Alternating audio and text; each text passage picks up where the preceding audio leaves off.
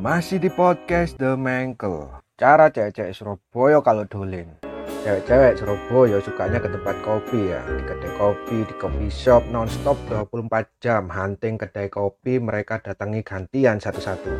Lebih spesifik tempatnya saya nggak tahu, nggak hafal nama-namanya, wakil lah kelembruk. Tapi cewek-cewek Surabaya apal jenenge kedai-kedai kopi ngono apal mereka sampai heran aku. Kopi enak apa gak mereka gak peduli. Sing penting ngone api interior api gawe foto mereka OTD gawe up foto-foto nang story terus di mention tempatnya terus gak lupa di foto kopinya makanannya terus di mention lagi tempatnya.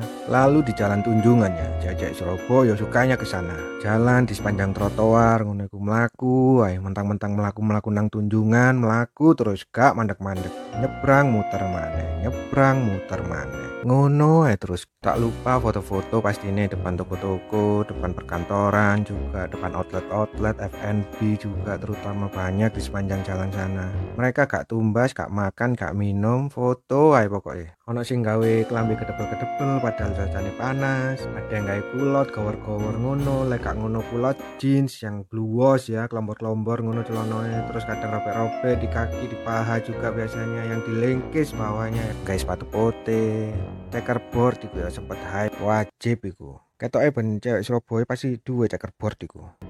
Gawe outer jeans blue wash pisan wis. Top wis lah pokoknya terus pasti nggak masker putih iku kan saiki. Mbok iku apa mereke eman mbak. Ambek tampilan sampean ya. Nggak jeans kabeh tapi nggak masker iku gak ketok ngono ya gawe ya oke gawe zamane corona saiki.